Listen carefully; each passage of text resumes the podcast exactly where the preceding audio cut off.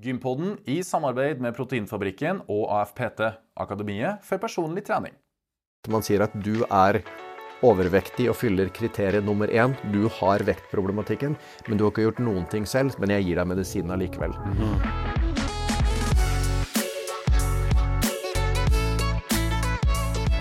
velkommen til Gympodden, den joviale podd- og videokassen for deg som er glad i trening, ernæring og den aktive livsstilen.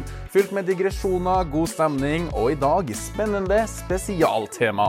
I dag sitter vi i Fredrikstad. Vi har tatt turen til AFPT sine lokaler midt i byen og er på besøk hos dagens gjest Espen Arntzen, som er daglig leder i AFPT, eller Akademiet for personlig trening. Og så må jeg kjapt introdusere oss for eventuelle nye lyttere. Det er meg, da, Lasse Matberg, og jeg er en av to trøndere som utgjør den ene halvdelen i pod- og videokassen Gympodden, og den andre er Fredrik By. Og Fredrik. Alle tidligere episodene våre ligger jo ut der du hører podkast, eller på YouTube, for vi filmer denne herligheten òg, så det er bare å gå inn og forsyne seg. Men vi må ta en liten status på hvordan det står til med den fysiske kapasiteten og formen vår. Uh -oh. Fredrik, har du vært på gym i det siste? altså, Vi er jo på sånn innspillingsparade igjen, da, og så i dag tidlig kjørte vi Jeg lukter tidlig. unnskyldning lang vei. Kom til poenget, gutt. Vi kjørte tidlig på morgenen. Vi gjorde det. Og, da... og så kjørte vi feil òg, for vi skulle egentlig gå en liten tur i den flotte byen Fredrikstad. Ja. Opp og ned langs elva her. Vi hadde kvarter til god, faktisk. Det rakk så vi. havna vi på Fredrikstad AS. Fredrikstad AS.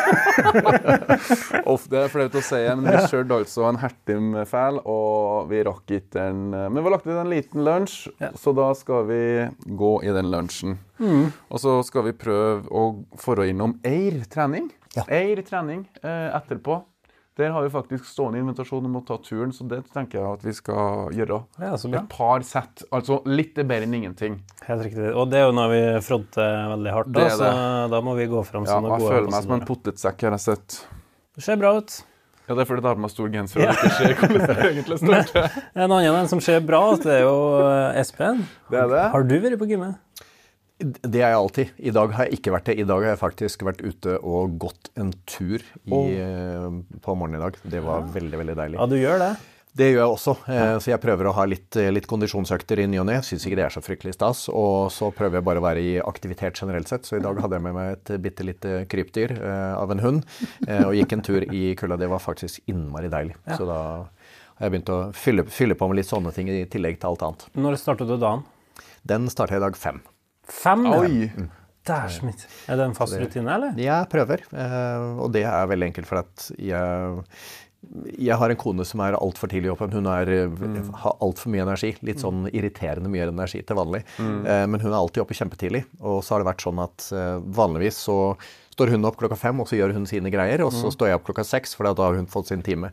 Men så har vi så lite tid sammen, så jeg har liksom tenkt at vet du hva, hvis jeg kan bare våkne omtrent samtidig som henne, så kan vi i det minste drikke en kopp kaffe før hun stikker av gårde. Så nå er du på kinetid? Nå er jeg på kinetid, så det betyr at jeg sovner klokka sju på kvelden også, men Ja, for jeg prøvde å sende deg en melding i går kveld, og det var ikke så sent, men du svarte jo ikke, så aha. Men det er ikke fordi at eh, jeg ikke At jeg legger meg til i, det er fordi at jeg prøver å være fryktelig konsekvent på at jeg aldri har telefonen min på når jeg ikke må. Så de aller fleste mennesker som kjenner meg, de vet at det å få tak i meg, det er nesten umulig. Ja, vi er de, veldig glad ja. for de tomlene opp vi faktisk får. Ja, men det er sånn, jeg kommuniserer på den måten, og det, alle, alle vet er det krise, så ringer de Kine, for hun har alltid telefonen på. Ja. Så da tenker jeg at det er en eh, bra greie. Eh, Så jeg prøver å redusere alt mulig ekstra stress i mitt liv, og der telefonen kan fort spise mye tid. Ja, ja, ja. Men, men reduserer du telefonen pga. jobbtid, eller er det fritid, eller er det en sammensatt greie? Nei, eh, jeg tror ikke noe på multitasking eh, i det hele tatt. Så jeg holder på å skrive på en bok, det har jeg gjort nå lenge, så det er ikke noe å skryte av lenger, men det har jeg gjort det lenge. I tillegg så har jeg fryktelig mye å gjøre, og det er veldig lett for meg å stikke av et mentalt på noe. Og da prøver jeg å finne hva, Gjør jeg én ting, så nå blir jeg alltid ledd av hjemme. fordi at du kan sprenge en bombe ved siden av meg hvis jeg sitter og gjør noen ting. Men da blir jeg veldig fokusert. Men hvis jeg har flere sånne distraksjoner, så mm, flyter det fort ut. Så for at jeg skal rekke alt. Apropos distraksjoner, du har jo tatt grep i din hverdag, Fredrik. Du sletta Instagram-appen på telefonen. Ja, og jeg er kun på den når den er på lappen. Så det er en tidstyv altså, som jeg bare tenkte at shit, hvis jeg skal klare å gjøre alle arbeidsoppgavene gjennom en hel dag, så må jeg fjerne sånne dritting, da. Og det jeg spurte meg, var liksom at OK, jeg var på Instagram i går, og så tenkte jeg OK, hva husker jeg fra den scrollinga på Instagram? Ingenting.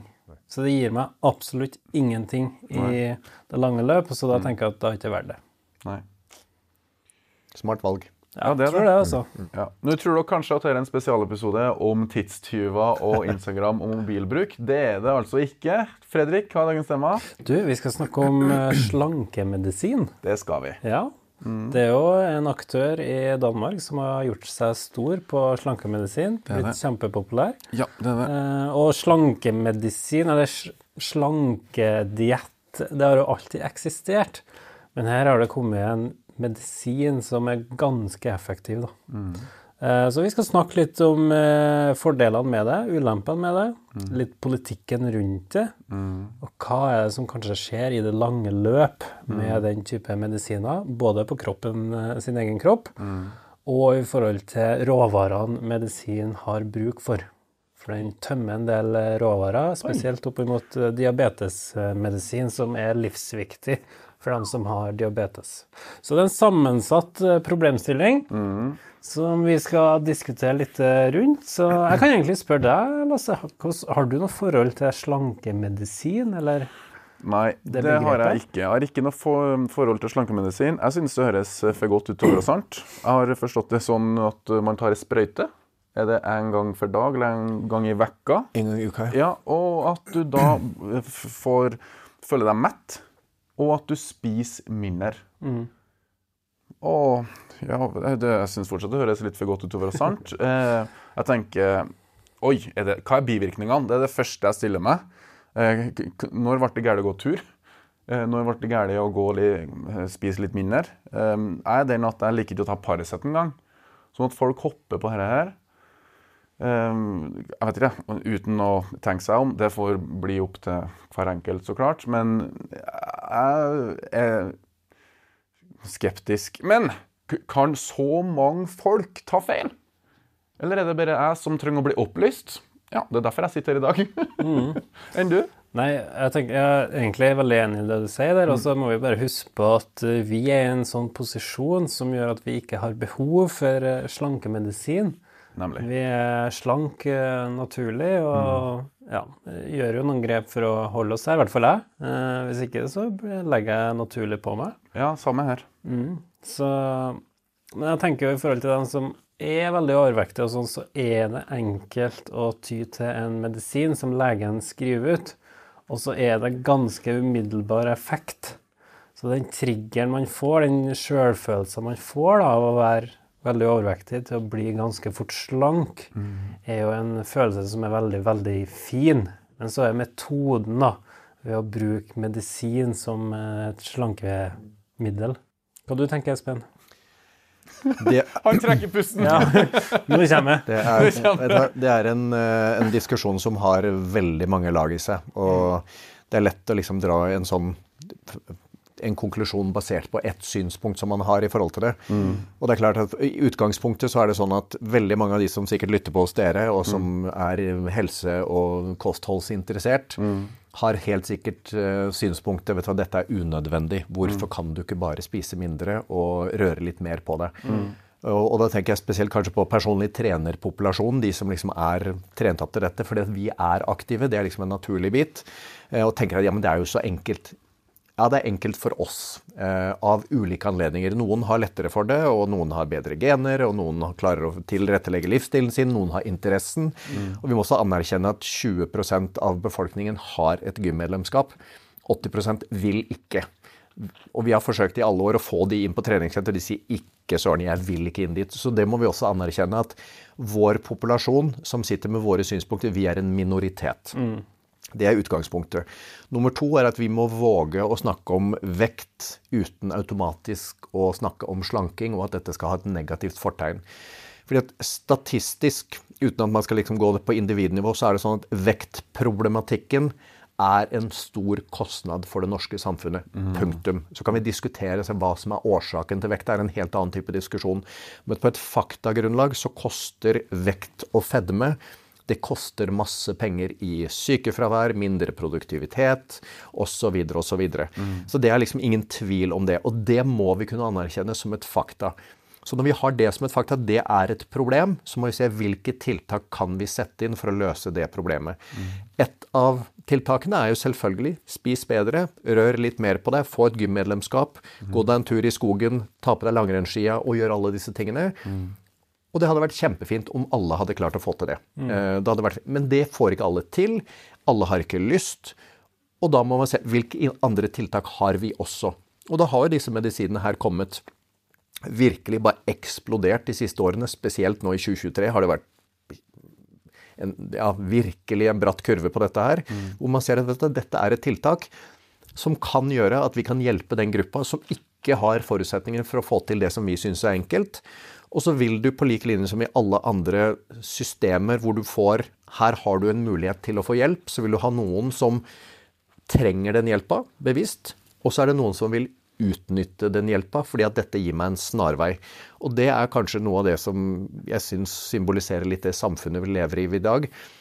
Vi leiter etter alle disse snarveiene. Hvor lite kan jeg slippe unna med å gjøre for å kunne gjøre det? Og da får du noen av disse som da selvfølgelig kanskje ikke skulle hatt slankemedisinen, eller som får det på kanskje feil forutsetninger, mm. eh, som kanskje isteden burde gjort noe annet fordi de har muligheten, men de velger å ikke gjøre det av ulike anledninger. Og da har du liksom utgangspunktet på det. Så vi har en problemstilling som vi har mange tiltak for å forsøke å fikse, og så har vi slankemedisinen nå, som er ett av disse tiltakene. Hvor noen trenger de, noen utnytter de. Og det er jo det som er liksom hele utgangspunktet. Så det er vanskelig å diskutere et sånt tema uten at man vil også pirke på noen følelser. Så man må prøve liksom å holde et sånn faktagrunnlag i det. Uten tvil så er det sånn at dette er jo nå eh, Norges I oktober 2023 så var dette Norges to mest solgte eh, medisiner. Osempic og Vegovi. Egentlig samme type medikament. Eneste forskjellen er at den ene kan doseres litt høyere. Så betyr at når vi selger 95,4 millioner kroner av dette, av Osempic i oktober, som selger nesten en milliard kroner i året, så er det klart at den løser et problem men det kommer også med en pris. Og den prisen kommer vi jo garantert inn på i forhold til kanskje både bivirkninger og kostnader osv. Mm. Men vi må anerkjenne at dette har blitt nå en løsning for mange. Og det har kanskje blitt en enkel løsning for noen som virkelig trenger det. Men det har også blitt en enkel løsning for mennesker som har muligheten til å også kunne gjøre andre ting. Og da får man jo en diskusjon rundt det. Så et um, stort tema.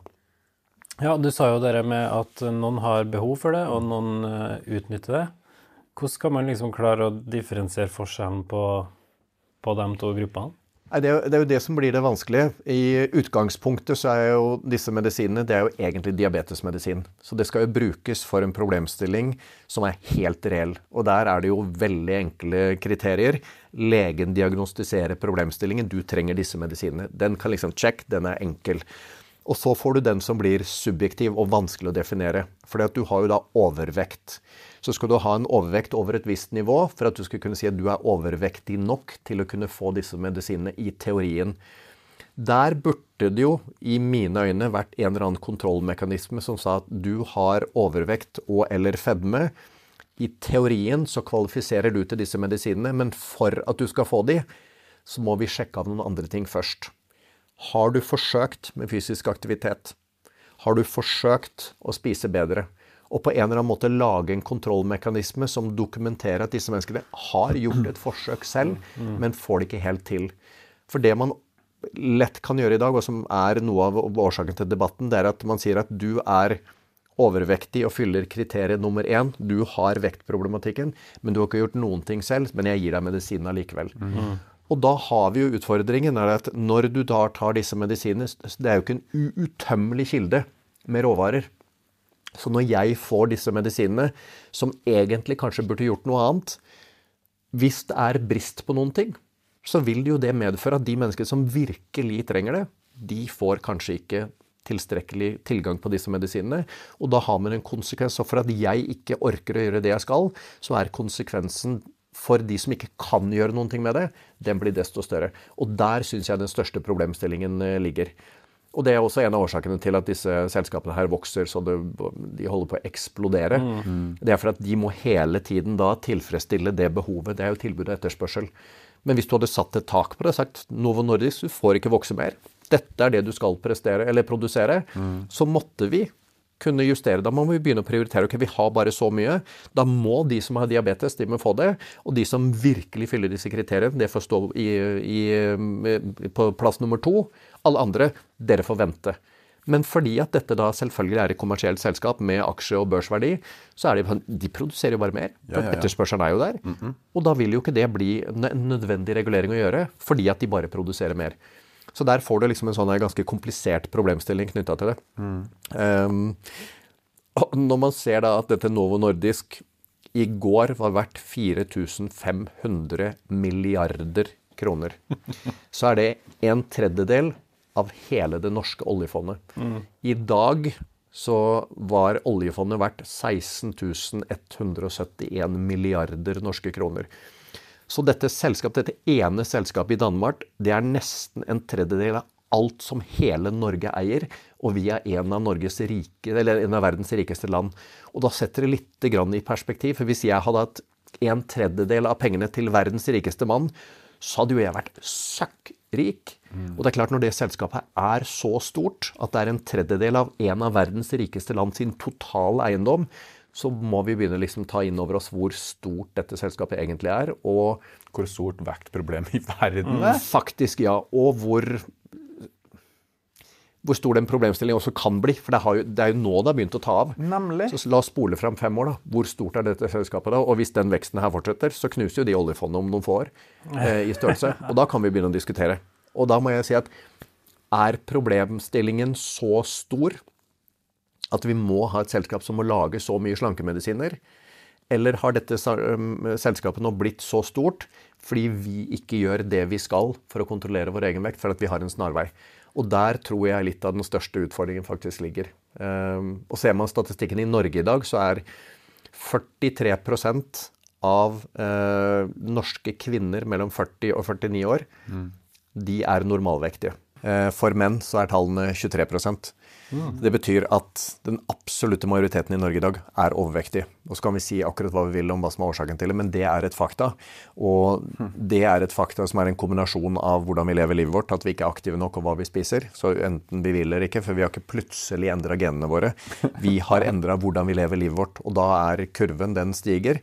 Og så har vi liksom én av seks barn pluss minus som også er overvektige. Så det betyr at dette er et problem. Det betyr ikke at overvekt er lik dårlig helse. Eh, på individnivå, men det betyr at overvekt er et stort problem i Norge. Og når vi vet statistisk at overvekt er et stort problem, så vet vi også at dette koster penger. Og da må vi liksom se på okay, men er den problemstillingen så stor at vi har behov for slankemedisiner. Tydeligvis ja. Mm. Jeg tror Hadde du spola tilbake 50 år og sagt trenger samfunnet slankemedisiner, så hadde vi blitt ledd av. I dag så har det blitt en problemstilling av resultatet av hvordan vi lever livet vårt. Mm. Så det er jo det som er den store utfordringen. Så er problemet stort nok? Tydeligvis. Burde det vært så stort? Absolutt ikke, men vi må anerkjenne at det er det. Og da har vi ikke så mange andre valg enn å liksom spille med de korta vi har fått. Men er det noe som legen skriver ut, eller er det sjølmedisinering? Nei, legen skriver det ut, så du kan enten få det på blå resept, som betyr at legen sier at du kan få det, eh, og så dekker staten dette av noen refusjonsordning. Mm. Eller du kan få dette på en annen resept, som gjør at du kan hente ut medisin, men da må du betale alt sammen selv. Og sånn pluss-minus 3000 eh, kroner måneden koster hvis du ikke får det på blå resept så betaler du ca. 3000 kroner måneden. Og det er jo én liten injeksjon da i uka mm. eh, med en dosering som da startes lav og økes opp til et visst nivå. Eh, som da du betaler for. Så hvis du, du, vil ha det, så kan du gå til en lege som sier at hei, jeg vil ha den slankemedisinen, og så lenge du er villig til å betale selv, så er sannsynligheten stor for at du faktisk får den av en lege. Enten du selv om du kanskje ikke har indikasjonene på det utgangspunktet, og heller ikke har diabetes, eh, men fordi du vil ha det. Så 100 kroner dagen.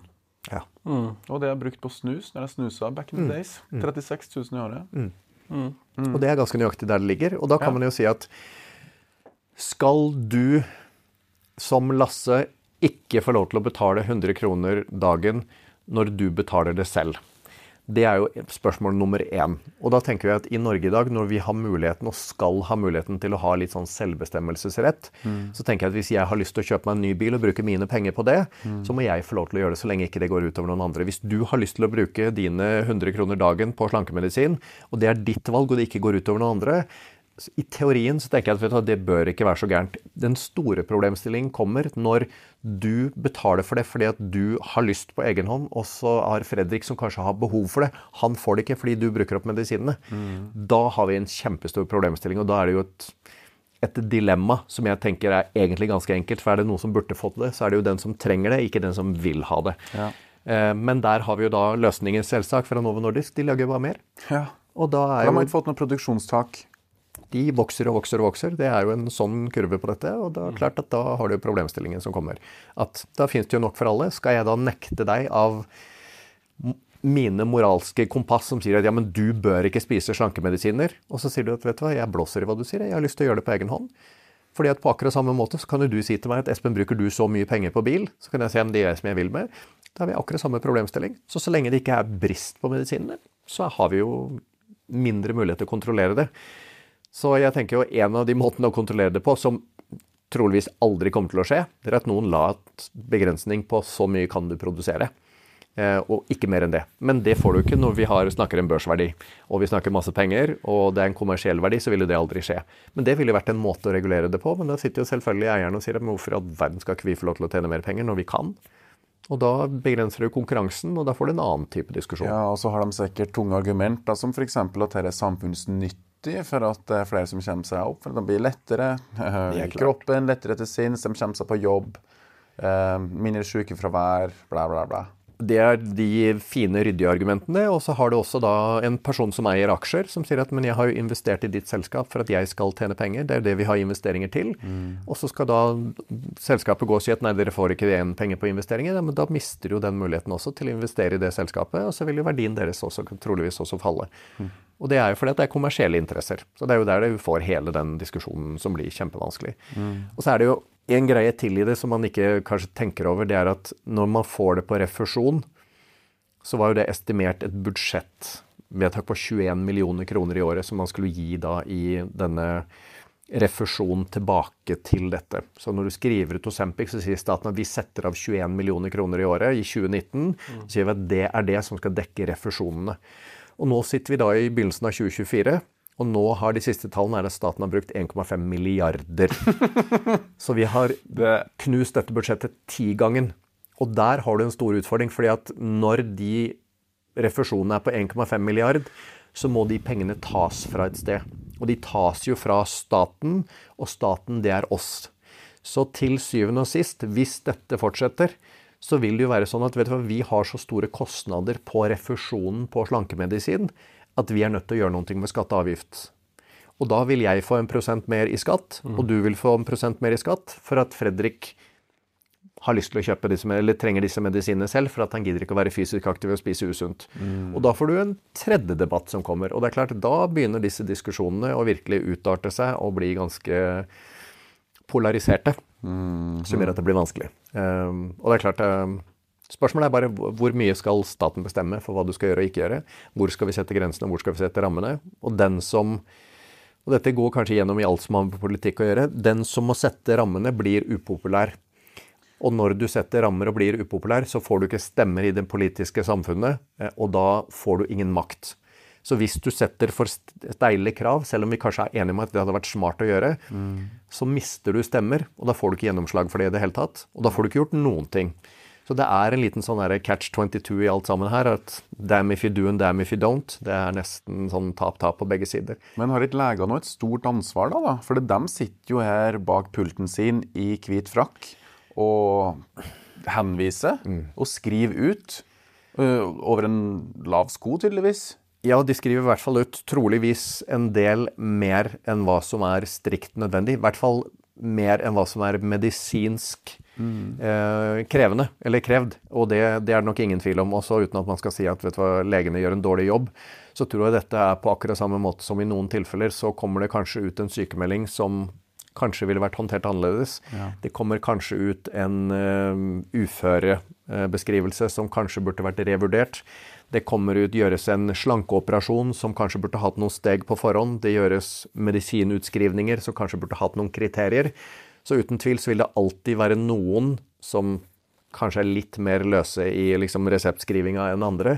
Det tror jeg det ikke er noen tvil om. Og så er det helt sikkert noen som sier at det er, det er politisk ukorrekt å si. Men det må vi må kunne liksom snakke om elefanten i rommet, for det er litt tilfellet. Ellers så ville jo dette aldri eksplodert. For det er ikke så mange som har diabetes. Og det er ikke så mange som har et reelt vektproblem, som virkelig har forsøkt å gjøre noe med det selv. At det er noen, uten tvil. Det men tror ikke alle. Men ikke alle. Ikke alle, uten tvil. Og de som trenger hjelpen, for all del, de skal få den hjelpen de trenger.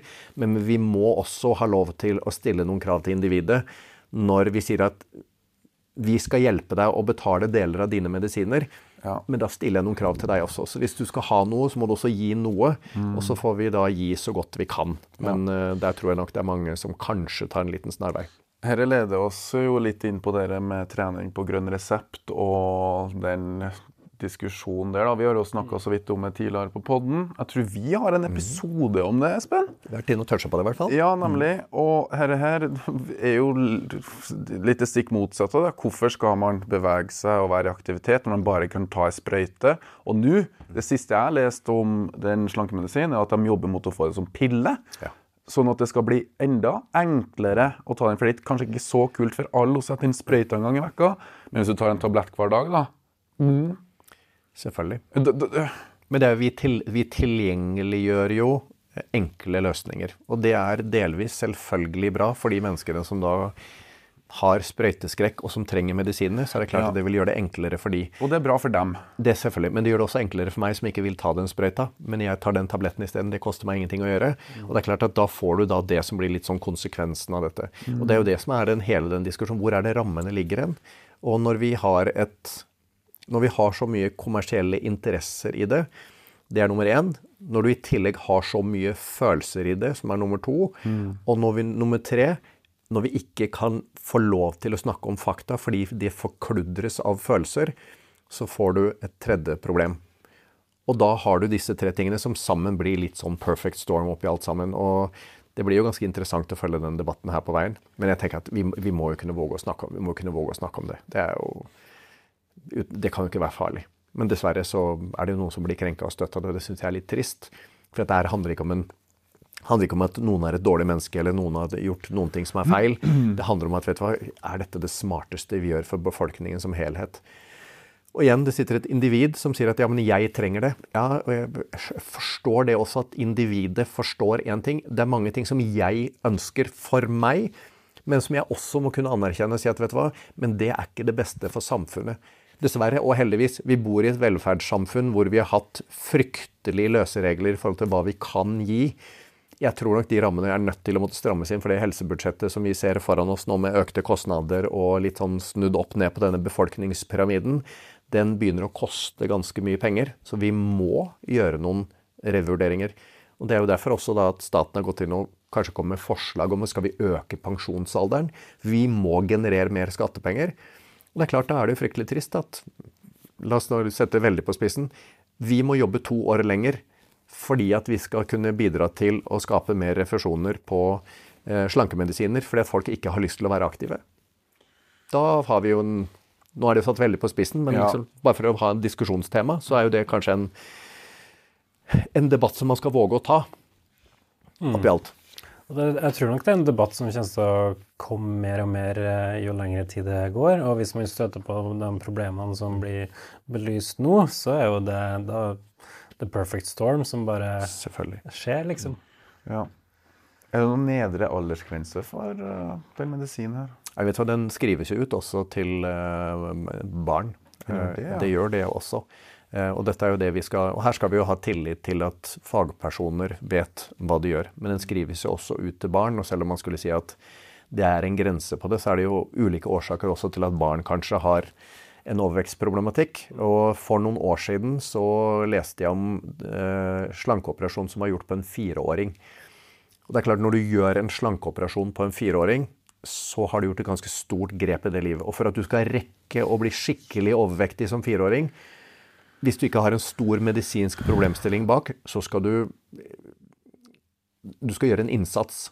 for å rekke å bli skikkelig skikkelig stor som fireåring. Foreldrene skal gjøre en innsats, ikke barnet. Ja. Men foreldrene skal virkelig nesten tvangsfòre et barn for at du skal få det til å bli så overvektig at slankeoperasjon er den eneste løsningen. Ja. Og da kan man si at er det moralsk riktig eller feil? Skal ikke jeg dømme det, men vi må jo et eller annet sted så må vi begynne å stille noen spørsmål og se hvor er, hvor er det vi skal sette disse grensene. Og det er jo det som er det vanskelige, for at vi er jo individer, og vi har muligheten, og da tar vi jo ofte da minste motstands vei. På godt og vondt, vel å merke. Og så har vi en, enda en problemstilling som vi enn så lenge ikke kjenner. Det her har jo vært godkjent i USA siden 2017. Det har vært godkjent i Norge siden 2019. Vi har noen få år med historie. Eh, Det betyr at vi har ikke langtidseffektene på dette. Vi har ikke forska på dette i 30 år, og har da effekten for alt du vet. Litt flåste. Kanskje du får horn i panna. Eh, Vi, vi vet ikke. Det fins noen teorier rundt at på, spesielt da på rotter, man har gjort noe av den forskninga, at de kan trigge og påvirke liksom kreft, ulike kreftformer. Vi vet jo ikke hva, skjer, hva som skjer på mennesker på lang sikt. Så det er også en problemstilling som vi ikke vet. Og det samme er det med masse kosttilskudd som vi tar i treningsbransjen. Som er sånn Ja, men det er kjempebra, vi har forska på det, det funker. Ja, men du vet ikke om du ikke får et øre ekstra om 15 år. For at det kan kanskje påvirke etter for det er mye vi ikke vet. Og det eneste vi vet, det er akkurat her og nå så ser det ut som dette skal kunne gå bra, men det kommer jo med en pris. Alt kommer jo med en pris. Og det har jo noen akutte bivirkninger og noen langsiktige. Men diabetesmedisin da, har jo vært på markedet i ikke, flere tiår. Ja, ja. Ja, og de vil jo sikkert si at dette her er en form for diabetesmedisin, så det her er safe. Vi har faktisk studier som går litt tilbake i tid, og, men kanskje ikke på akkurat den her, da. Nei, også, men vi har jo vaksiner i mange tiår også. Mm. Hvor vi sier at det, det har gått bra så langt. Men det er jo en grunn til at vi fikk diskusjonen rundt denne vaksinen som kom når covid kom. Ja. For at man sier oi, ja, men dette er noe nytt. Ja, men det, jo, du kan jo ikke bare si ja, men det, er, det passer inn i paraplyen vaksine. Passer inn i paraplyen diabetesmedisin. Ja, men det er jo noe annet. For vi har jo kommet med det. Det er jo en grunn til at det bare er noen år gammelt. Det er fordi at det er en ny type medisiner. Og at det funker medisiner. på den måten det fungerer. Selvfølgelig. Og det funker jo, det er jo ikke noe tvil om det. De ser jo liksom 15% vektreduksjon her sånn fordi folk spiser mindre, bedre blodsukkerkontroll. Det er jo spinnvilt. Ja visst er det det. det er jo helt, resultatene udiskutable oppi alt sammen. Men i alt, alt kommer med en pris. Det er, Um, Hadde dere, Fredrik og Espen, kunne tatt det? Prøvd det i tre måneder bare for å se hva som skjer? Nei, ikke nå i den kroppsstanden jeg er nå, så har det vært Nei. helt eh, unaturlig. Ja, du er en happy og Ja, ja, ja, herregud. Ja. Espen? ja, jeg, selvfølgelig kunne jeg prøvd det. Eh, hvis jeg har sagt for å finne ut hva det er. Men eh, jeg, ser, jeg ser jo Kanskje noen som er uenig, men jeg ser jo ingen grunn til det. Nei. Hvis det er en overvektsproblemstilling, så har jeg veid det samme i 25 år. Ja. Med 1, 2, 3, 4 kilo opp og ned. Så jeg har jo ingen indikasjoner i det. Ja. Og så vil det være sånn Ja, du blir mindre sulten. Men jeg liker å være sulten. Jeg liker å spise. jeg. Og så er jeg aktiv. Jeg ser ikke at det skulle være noen greie. Og jeg har ingen Jeg er også en person som Hvis du gir meg en snarvei, så tar jeg den. Og det er litt farlig. For hadde jeg gjort dette, dette hadde funka, jeg bare vet hva, da trenger jeg ikke å drive med kondisjonstrening. For jeg holder vekta likevel. Jeg blåser i helsa. Så fint, da. For jeg, syns ikke det er så stas. Det hadde gitt meg en liten sånn Ja, men du har en liten sånn døråpning som du kan gå ut av, så kan du slippe unna. Ja. Det er også diskusjon. jeg er litt nysgjerrig bare for å se hva, hva har skjedd med meg hvis at jeg har prøvd det i jeg vet ikke hva, en syklus eller en periode, eller hvordan de deler det inn. Det går jo, du En tar jo, måned, to måneder. Ja, du tar jo et par måneder. Du må ha litt tid til at det Ja, skal fungere. Og så må det sikkert sette seg inn, og så må det sette seg litt, og så kjører vi. Og så do, Man doserer jo dette, man begynner jo på veldig lav dose, og så Ja. øker det jo gradvis for å se til liksom, toleransen og se til at du ikke får så mye bivirkninger. Så du øker det over en 8-12 ukers periode. Ja, ikke sant? Så du må jo ha den effekten for å komme til maks dose på dette. Ja. Så det er klart at det, det er fordeler og ulemper i det. Det som jeg tenker er en viktig del av den diskusjonen også, det er at ingen tvil om at fysisk aktivitet er bra for helsa. Og det fins noen ting med fysisk aktivitet som gir deg noen fordeler som du ikke får på noe annet. Eksempelvis diskusjonen som var i denne debatten som var i januar. Vi vet i dag uten tvil at intensiv intervalltrening med høy puls med en viss varighet, si det. det er best for hjertet av det vi vet i dag, vel å merke. Vi må ha det i en liten parentes. Det er det vi vet. Så da må vi si at ok, skal du ha maks effekt på hjertet i dag, så må du gjøre dette. Den kjøper jeg. Og så kan vi si da kan du sjekke av den. Men når det gjelder ren vektreduksjon, har også noen bonuser. Så ja, fysisk aktivitet gir deg effekten på hjertet, det gir deg litt bedre vektkontroll, det kan gjøre alle disse fordelene. Men ren vektnedgang alene gir også mange av disse helsefordelene. Så vi må ikke trene for å bli sunnere. Bare det å gå ned i vekt gjør deg sunnere. Og Det betyr at vi har enda et argument for å forbedre folkehelsa, som man nå liksom tviholder på. For hvis vi får ned overvekten i Norge med slankemedisiner, så har vi gjort noe for folkehelsa. Mm. Nei, du får ikke de effektene som vi mennesker sier ja, men du må ha denne effekten på hjertet. Ja, men bare det å gå ned i vekt har masse helseeffekter som i seg selv kan spare staten for mye penger. Og dette er jo et kjempebra argument å bruke. Vi bruker gjerne penger på refusjoner. Mm. Fordi at jeg sparer mye på folkehelsebudsjettet på en del andre livsstilssykdommer. Så da sitter det noen og regner på dette. Og dette er garantert argumenter som vi bruker, uten tvil. Problemet er at hvis du eller jeg eller du hadde fått denne medisinen, så ville helseeffektene, det vi hadde spart helsebudsjettet, er jo kroner null. At, så vidt jeg vet, dere er aldri syke. Jeg er stort sett aldri syk. Koster veldig lite for samfunnet når det er knytta til livsstilssykdommer. Mm. Så samfunnet ville ikke spart penger på å gitt meg dette. Og det er der diskusjonen er. For hvis en overvektig person får det og går ned i vekt, ja, da sparer han eller hun samfunnet for masse kostnader. Men hvis jeg får det fordi jeg bare har lyst til å se bedre ut naken, så sparer ikke jeg samfunnet for noen ting. Men hvis det går på refusjonsordning, så koster jeg noe. Mm. Og når det koster noe, så vil de pengene som jeg da får av staten for å få disse medisinene, hvis jeg får det på resept, så vil det bety at det sitter en gammel dame på et gamlehjem som ikke får en pleier. Det er noen ekstra humper i veien et eller annet sted som vi ikke har råd til å fikse på. Det er en eller annen tunnel hvor steinen ramler i huet på de som kjører der, fordi at vi må spare pengene et eller annet sted. Fordi at de bruker penger på Espen som ikke orker å være i fysisk aktivitet. Mm. Så det er så mange lag i denne diskusjonen som kan gjøre det så innmari vanskelig. Og det kommer an på hvilke argumenter du bruker. Mm. Tror du det kommer ei pille som stimulerer fysisk aktivitet? Um, som du tar en pille, og så har du høy hjertefrekvens i 16 minutter, som stimulerer en 4 ganger 4 som slår opp til 150 slag i minuttet i 16 minutter, og så har, tror kroppen at du har trent. Og hvis du tar den da, i tillegg med slankemedisin, så kan du fader meg bare ta ei sprøyte en gang i uka, og så kan du ta den pilla tre ganger eh, i uka, mandag, onsdag, fredag. Så har du trent tre ganger i vekka. Om jeg tror det kommer? 100% Tror du det? Ja, det tror jeg. Eh, og det er veldig enkelt, fordi at ja, vi... Og så ligger du med elektroder på, på ja, men... hender og føtter men... og på gluteus maximus, og så blir du musklene stimulert i tillegg. Men du har jo det i dag. Amfetamin, koffein, pre-workouts. Øker pulsen, øker blodtrykket, øker alle disse tingene. Vi er feil Med å forvikle oss inn i. Men vi gjør det. Det er jo det teknologien gjør. Og det er jo det som er utfordringen. Og når vi tar alle disse snarveiene, at vi, vi, legger så mange ting på det. Og det er klart, vi har jo transplantert masse ulike organer. Vi bygger 3D-organer liksom på utsiden av kroppen og implanterer det inn i mennesker. Vi har nå kommet med medisiner som gjør at du blir ikke sulten. Før så var det sånn ja, du er sulten, men ikke spis, ellers så blir du tjukk. I dag så er det sånn vi bare tar bort sulten. Og så er det sånn ja, men du må være i fysisk aktivitet. Jeg har ikke noe lyst. Nei, men da får vi garantert en pille som, sier, som stimulerer deg til å få lyst, da. Eller som simulerer den effekten som treninga gjør. Ja, for det er jo helt... Garantert. Og så får du da elektroder på. Sitt 15 minutter med elektroder, så får du dette. At det kommer, ikke 100% Om det ikke allerede fins. Jeg ville ikke vært overraska om noen sitter og sier ja, det har vi allerede, du vet bare ikke om det. Hadde ikke vært det minste overraska over akkurat det. Fordi at vi har jo kartlagt effektene. Og i dag skulle du drikke 20 kopper kaffe eller få i deg amfetamin, så stiger pulsen din. Mm. Er det den samme effekten? Nei, kanskje ikke. Men vektbærende aktivitet, kan du få det? Ja, men det kan du få hvis du sitter i eller annet, en eller annen maskin som gjør at du trykker 30 sekunder på denne maskinen. Får du vektbærende aktivitet. Ergo osteoporose, som vi før sa du må trene styrketrening, at vi finner snarveier. Garantert. Og det er på godt og vondt. Utfordringen er ikke når vi løser et problem, utfordringen er at når den løsningen blir brukt til å skape unnskyldninger for å være mindre aktiv.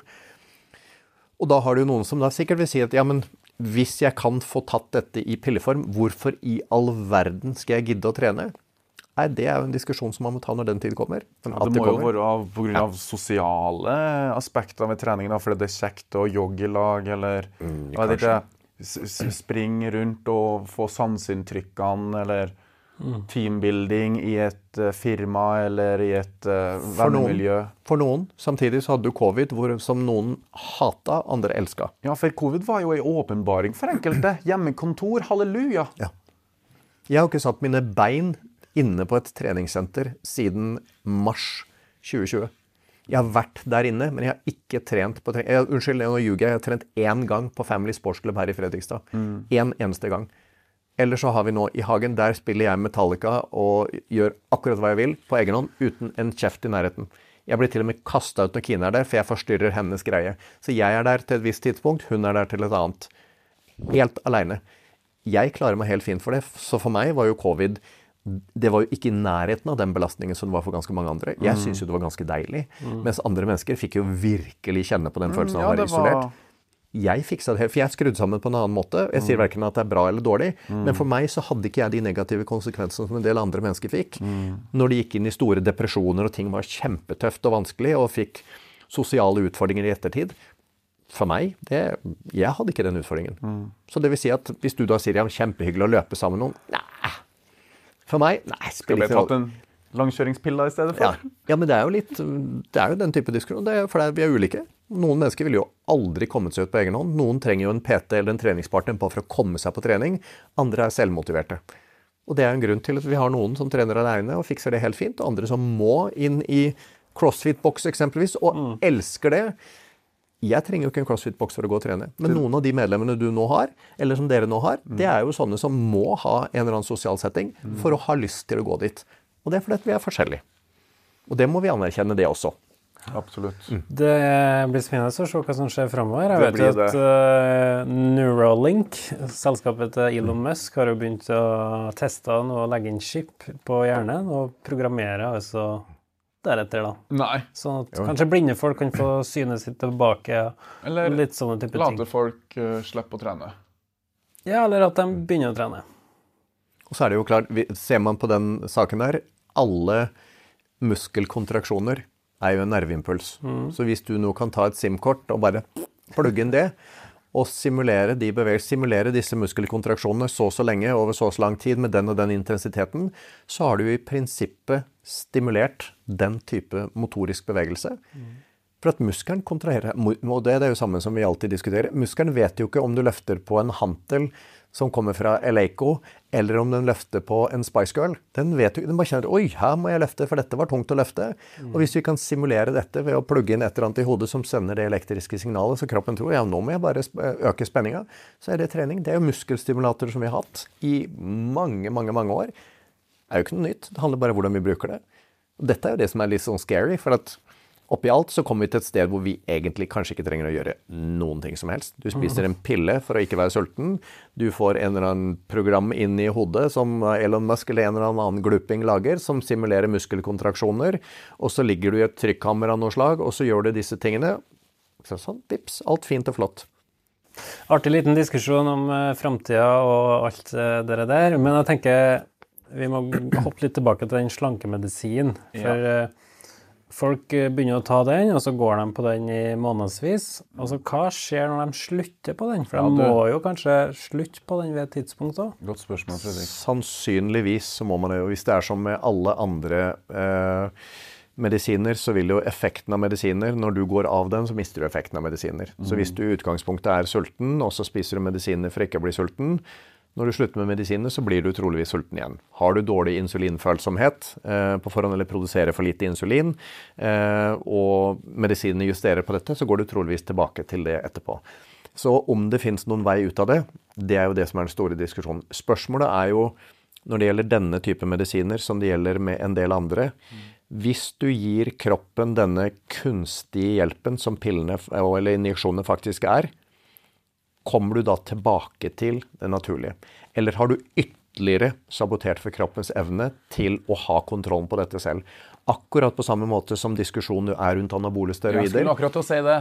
er dette For det, det skal ikke For kroppen er jækla smart. Og det er litt sånn der i denne eh, Jurassic Park så sier han 'life will find a way'. Alltid. Den er mye smartere enn hva vi er per i dag.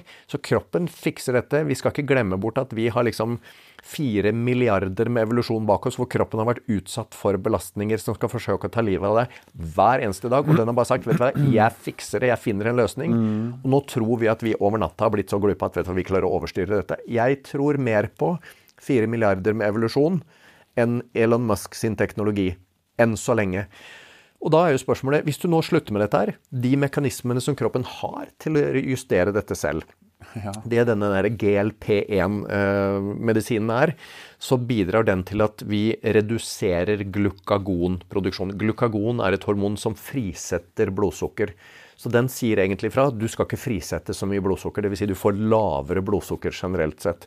Og gir da noen av disse effektene på da, hovedsakelig på diabetes, men også på vektreduksjon. Men når du har spist denne medisinen over så lang tid, kanskje da kroppen sier at vet du hva, glukagon, du har ikke produsert noen ting på veldig lenge, nå har jeg justert ned deg lenge, så når du slutter med medisinene, kanskje glukagonprodusentene sitter da og sier Nei, men jeg har ikke gjort noe på lenge. Akkurat på samme måte som hvis du har vært borte fra trening veldig lenge. Når du begynner på nytt, så er dette skikkelig klønete. Kanskje ikke kroppen kommer i gang igjen. Sånn at glukagon, som skal frisette blodsukker, som er en mekanisme vi har for å prøve å holde blodsukkeret, kanskje den bare slås ut. Det vet vi jo ikke. Eller kanskje den roper 'alle mann til pumpene', For og så eksempel løper den løpsk. overkompensere, det vet vi heller ikke på den diskusjonen. Så det er jo det store spørsmålet. Hva skjer da? Har du da fått en sånn «Em, du må være på dette resten av livet, som da mange mennesker får, som har brukt anabole steroider, som finner ut etterpå at du, kroppen kommer ikke i gang igjen, så du må bruke en eller annen dose av noe etterpå for å holde produksjonen omtrent på det nivået som gjør at du fungerer optimalt. Eller holde nivået på det nivået som gjør at du fungerer optimalt. Det kan jo være en diskusjon. Det kan jo være noe som skjer, og det vet vi jo ikke. For vi har jo ikke hatt det så lenge. 2017, 2024, det er syv år. Det er ikke så mye langtidsdata vi har på Først det. Første-siste året det virkelig har tatt av. Virkelig, og det har jo bare eksplodert. Ja, det har det. Og det er klart, Vegovi, denne ene medisinen, det er jo egentlig det, Både Osempic og Vegovi er samme type medisiner. Forskjellen på de er bare at Vegovi kan doseres litt høyere. Eh, og Vegovi begynte man jo å selge virkelig nå i begynnelsen av 2023. I oktober så var det på andreplass over de mest solgte medisinene i Norge.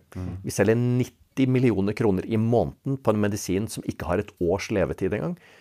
Og da kan vi begynne å diskutere hva flate er det vi ser for oss. Så i oktober 2023, disse to medisinene var de mest solgte i Norge i den måneden. I 2023 så var Osempic på topp, en kreftmedisin på andreplass, og Vegovi, som har egentlig begynt å ta av nå i januar, ligger på åttendeplass over de mest solgte legemidlene gjennom hele året. Og det her er virkelig det er en sånn kurve, så tallene for 24 de ble jo fryktelig spennende. Og Nor Norge er jo ikke det eneste landet hvor det her skjer. Det skjer, Men, skjer overalt. Det er klart. Det er et lite land. Ja, bitte lite. Så forestill deg, ta denne medisinen her da, og begynne å regne på tallene. Nå har du ikke sett på tallene i USA. Regn på de tallene i USA, da. Da kan man begynne å 350 millioner innbyggere. Og så har vi- over halvparten Vet du. der, vet du om det har kommet noen problemstilling rundt det i USA? Der er det jo sånn, da må du jo betale det meste selv, hvis du har muligheten til det. Og det er Ja, klart at der har du ikke det samme type velferdssamfunn som vi har på godt og vondt. Så der får du jo en, du får en ekstrem polarisering av helseaspektet der. fordi at de menneskene som har råd til å betale 3000 kroner i måneden, Hvis det koster så lite eller så mye, da. sannsynligvis, parentesen min, sannsynligvis mye dyrere i USA, Ja. Så mennesker som har det godt, ja, men de har muligheten til å kjøpe dette her. De menneskene som virkelig trenger det, som er ressurssvake, de er jo ikke i nærheten. Og i tillegg så har jo ikke de det samme velferdssystemet hvor du kan få inn dette på en resept som staten betaler for. Nei, for har du ikke de riktige helseforsikringene der, så kan du skyte en lang pil etter at staten gidder å betale dine medisiner. Så den problemstillingen som er der, det kan jo multiplisere troligvis med en faktor av 100 kontra det vi ser i Norge. Vi er jo et beskytta lite land. Enda så ser man hvor stor diskusjon det blir i et land som vårt. Så gi det her en to-tre år. Dette kan bli en spennende bit. Og så er det jo noen interaksjoner, noen spennende ting her som man også må ta med seg. Blant annet så reagerer da aspirin, den gode gamle Disprilen, acetylsalicylsyre. Hvis du har høydose på det, så er det også en interaksjon med disse medisinene. Så noen som spiser mye smertestillende eller febernedsettende i form av acetylsalicylsyre, har jo konflikter med disse medisinene. Og det samme har jo også alkohol. For alkohol hemmer jo også denne såkalte glukoneogenesen, dvs. Si nydanningen av glukose, som gjør at du faktisk får, blir, får for lavt blodsukker. Så får en hypoglykemi på dette. Og det er klart at jeg hadde jo ikke vært sjokkert om det sitter noen mennesker som sier at vet du hva, jeg skal begynne på en dose på 0,25. Men jeg har litt hastverk, så jeg bare drar på litt ekstra. Eller det står at jeg skal ta det én gang i uka, men jeg har litt hastverk, så jeg tar to ganger i uka. Og så kan det jo være at noen av disse menneskene som sier fy fader, nå går jeg ned i vekt som bare rakkeren, og jeg liker også å gå på byen. Og siden jeg både kan ta slankemedisiner og ikke legge på meg på samme måte alkoholen, så drikker jeg kanskje med begge hendene hvis jeg er ekstra heldig, og har litt for mye av disse medisinene, og så krasjer disse, og så får du noen konflikter rundt det. Og da får du for lavt blodsukker, og da har du en annen type utfordring. Og det er sånn som man ikke snakker om. For hvor ofte har man hørt at vet du hva, alkohol og slankemedisiner de skal man ikke mikse? Det diskuterer vi ikke. Vi krangler om dette er rett eller feil moralsk eller etisk, mm. men vi diskuterer ikke på alle disse andre interaksjonene på det. Så der uh, får vi liksom neste problemstilling som kommer. Ja, Skoen trykker ikke bare fram, men litt overalt, føler jeg. Ja. ja. Hva er det som blir veien videre, da? Eller hva er liksom konklusjonen rundt den diskusjonen vi har? Vet du hva, jeg, jeg, jeg, aner ikke, for å være helt ærlig. Mm. Det vi må se, det er at så lenge mennesket har muligheten til å leve et bekvemt liv, mm. og ikke, ta, ikke måtte gjøre ubekvemme saker, mm. så vil vi troligvis, de aller fleste av oss, inkludert meg, ta den enkleste veien. Det er minste motstands vei. Og da kan vi gjerne si at ja, men sånn burde det ikke vært. Sånn er det. Og det er bare å se underveis. Det er en grunn til at vi kjøper Foodora. Hvorfor? For da får jeg maten hit. Det er enklere kontra å lage mat hjemme. Skal vi si, ja, men du kan jo lage mat hjemme. Ja, jeg kan det, men jeg gidder ikke. Jeg kan være i fysisk aktivitet, men jeg slipper. Mm. Jeg gidder ikke. Så problemstillingen, den er der. Det må vi bare anerkjenne. I tillegg til at vi er mindre aktive enn før. Vi spiser dårligere enn før.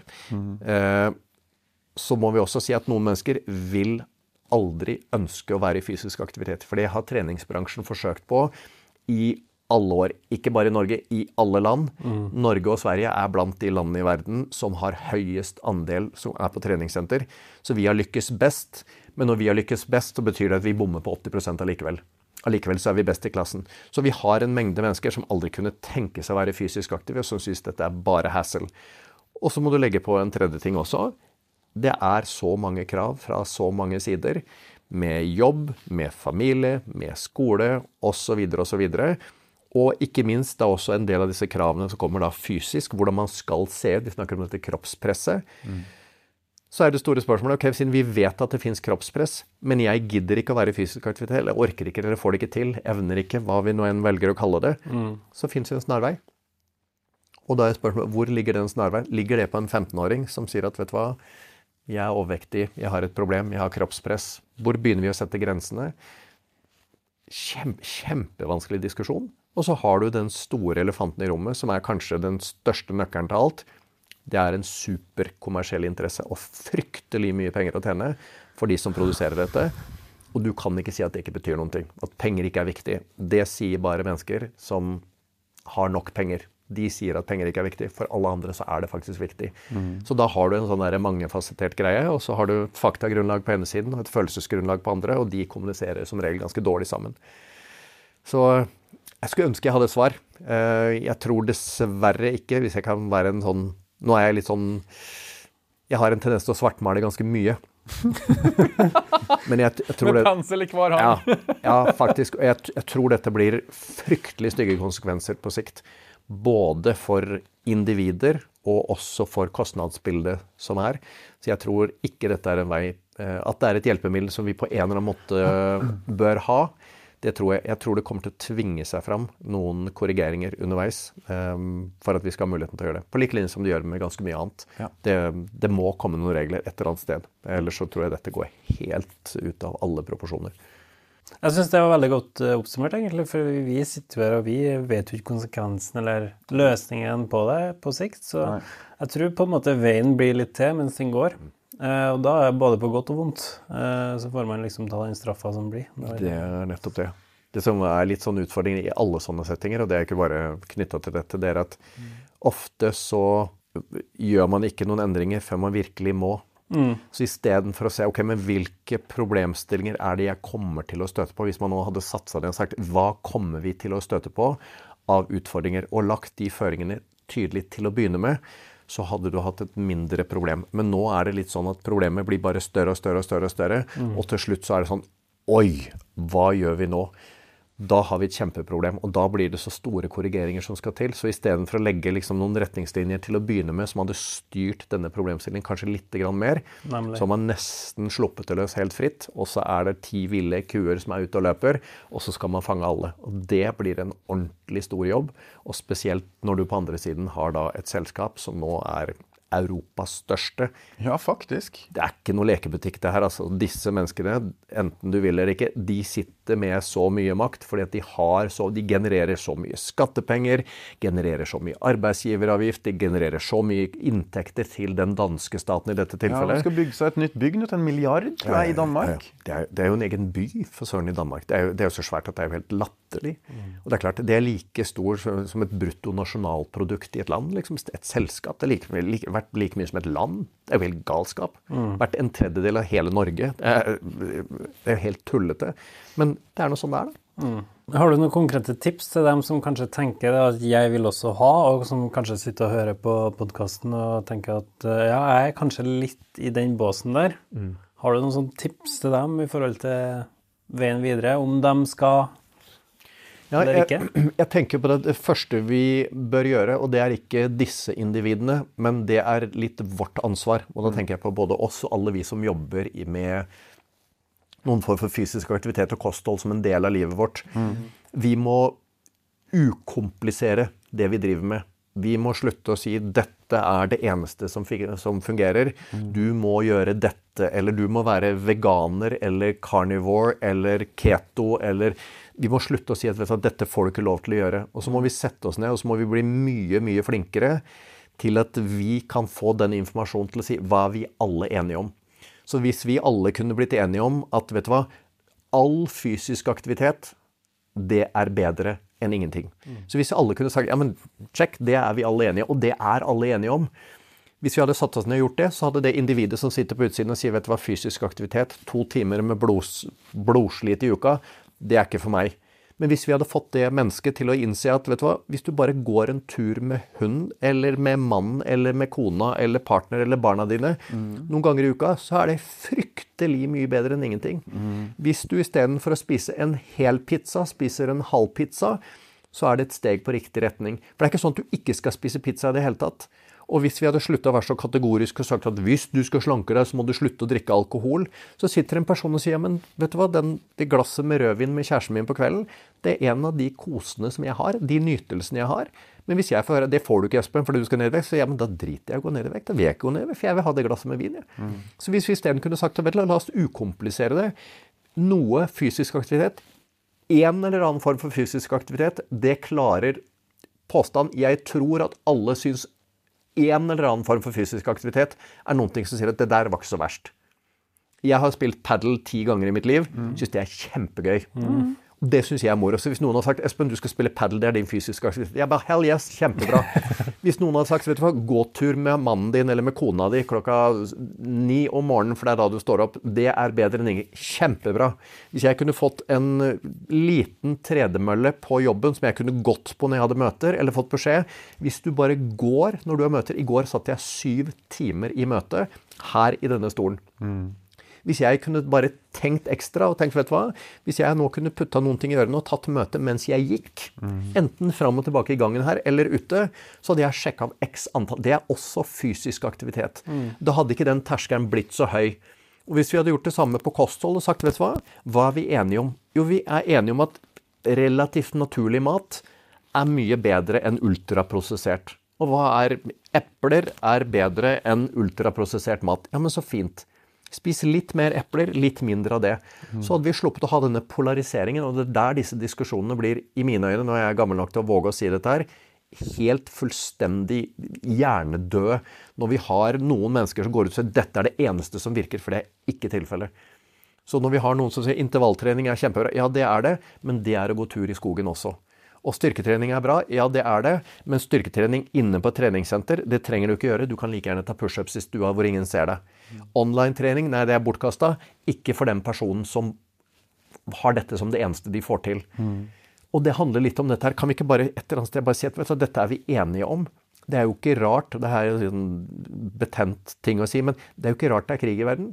Når vi bare ser på alle ulikhetene. For jeg er helt sikker på at uten at dette skal bli en politisk diskusjon, alle sider i alle konflikter i verden er sannsynligvis enige om ikke bomb barn i filler. Kan vi ikke begynne der og si vet du hva, det kan vi nå være enige om, og så får vi krangle om andre ting. De fleste vil også si vet du hva, kan vi la sykehus være i fred? De fleste ville sagt ja, det syns vi er ganske ok. Og hvis du hadde sagt til alle ernæringsfysiologer i hele verden hva, kan alle være enige om at epler er ganske sunt, så fins det jo ikke én som hadde sagt nei. Hvis du ikke da skal være kontroversiell for å være vanskelig. Mm. Så hvis vi kunne vært ok, vi er enige om at epler er sunt, vi er enige om at friskt vann er sunt, vi er enige om at kjøtt kan være sunt, dyrevelferd satt til siden, vi kan være enige om at egg kan være sunt, grønnsaker er sunt, så hadde vi funnet en haug med ting. Dette er vi enige om. Og da hadde den personen som sitter på utsiden, som vi nå sitter og ser på at vi kaster stein på hverandre, isteden funnet ut at vet du hva, det er jo kanskje ikke så vanskelig. For jeg trenger ikke å være karnivor og aldri spise liksom, grønnsaker igjen. Jeg trenger ikke å være veganer og aldri spise kjøtt igjen. Fordi at hvis jeg spiser litt kjøtt og litt grønnsaker, så er det jo ganske bra. Hvis jeg bare unngår den aller verste maten. Så hadde vi klart å gjøre noen ting, og da hadde vi kanskje gjort at mennesker selv kunne hatt muligheten til å ta noen enkle grep som hadde gjort kanskje like mye for deres livsstil som slankemedisinene gjør.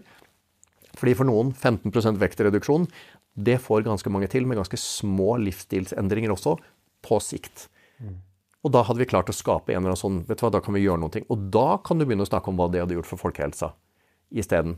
Men siden vi isteden sier at jeg skal ha rett og du skal ha feil, så argumenterer jeg hardnakka for at du er en idiot, og jeg har rett, for jeg skal ha deg over på min side. Og så bruker jeg de verktøyene som skal til, når vi egentlig er enige om 90 mm. Og det er det samme som i diskusjoner med fysioterapeuter, osteopater, naprapater, manuellterapeuter. 80% av pensum er jo likt. Allikevel så sitter jeg som naprapat og sier at jeg er bedre enn han eller hun. Men vi har, vi har jo lest de samme bøkene, for søren. Mm. Hva er det som gjør at når jeg har lest den, så er jeg smartere enn deg? Vi har jo det samme utgangspunktet. Og kan vi ikke bare være enige om det, da? Og så er det jo til syvende og sist så er det jo bare ok, hvilke verktøy kan vi bruke? Så jeg syns hele den debatten her blir, blir nesten det er så unødvendig, men det er også det som driver TV, medier også likes Og podkast, ikke minst. Podcast, likes på Instagram osv. Ja, det får kanskje bli siste ord i saken på slankemedisin-episoden. Så ja. nyttig prat. altså Du har mye gode argumenter og tanker rundt uh, framtida og hvordan man kanskje ser hvordan veien begynner å gå seg til. Mm. Eh, og det blir jo spennende å se da, hvordan årene uh, blir framover, og hvordan dette utvikler seg. Ja. Og ikke bare årene, men året. Ja, ja ikke minst. Vi får se. Vi får det går såpass fort, vet du. Det er faktisk det. Det er veldig ja. sant. Og med det så er det egentlig bare å runde av. Espen Arntzen, tusen hjertelig takk for praten. Takk selv. Fredrik. Tusen takk. Tusen takk. Og kjære lytter, kjære seer, nye episoder med Gympodden hver torsdag klokka seks på gjensyn og gjenhør.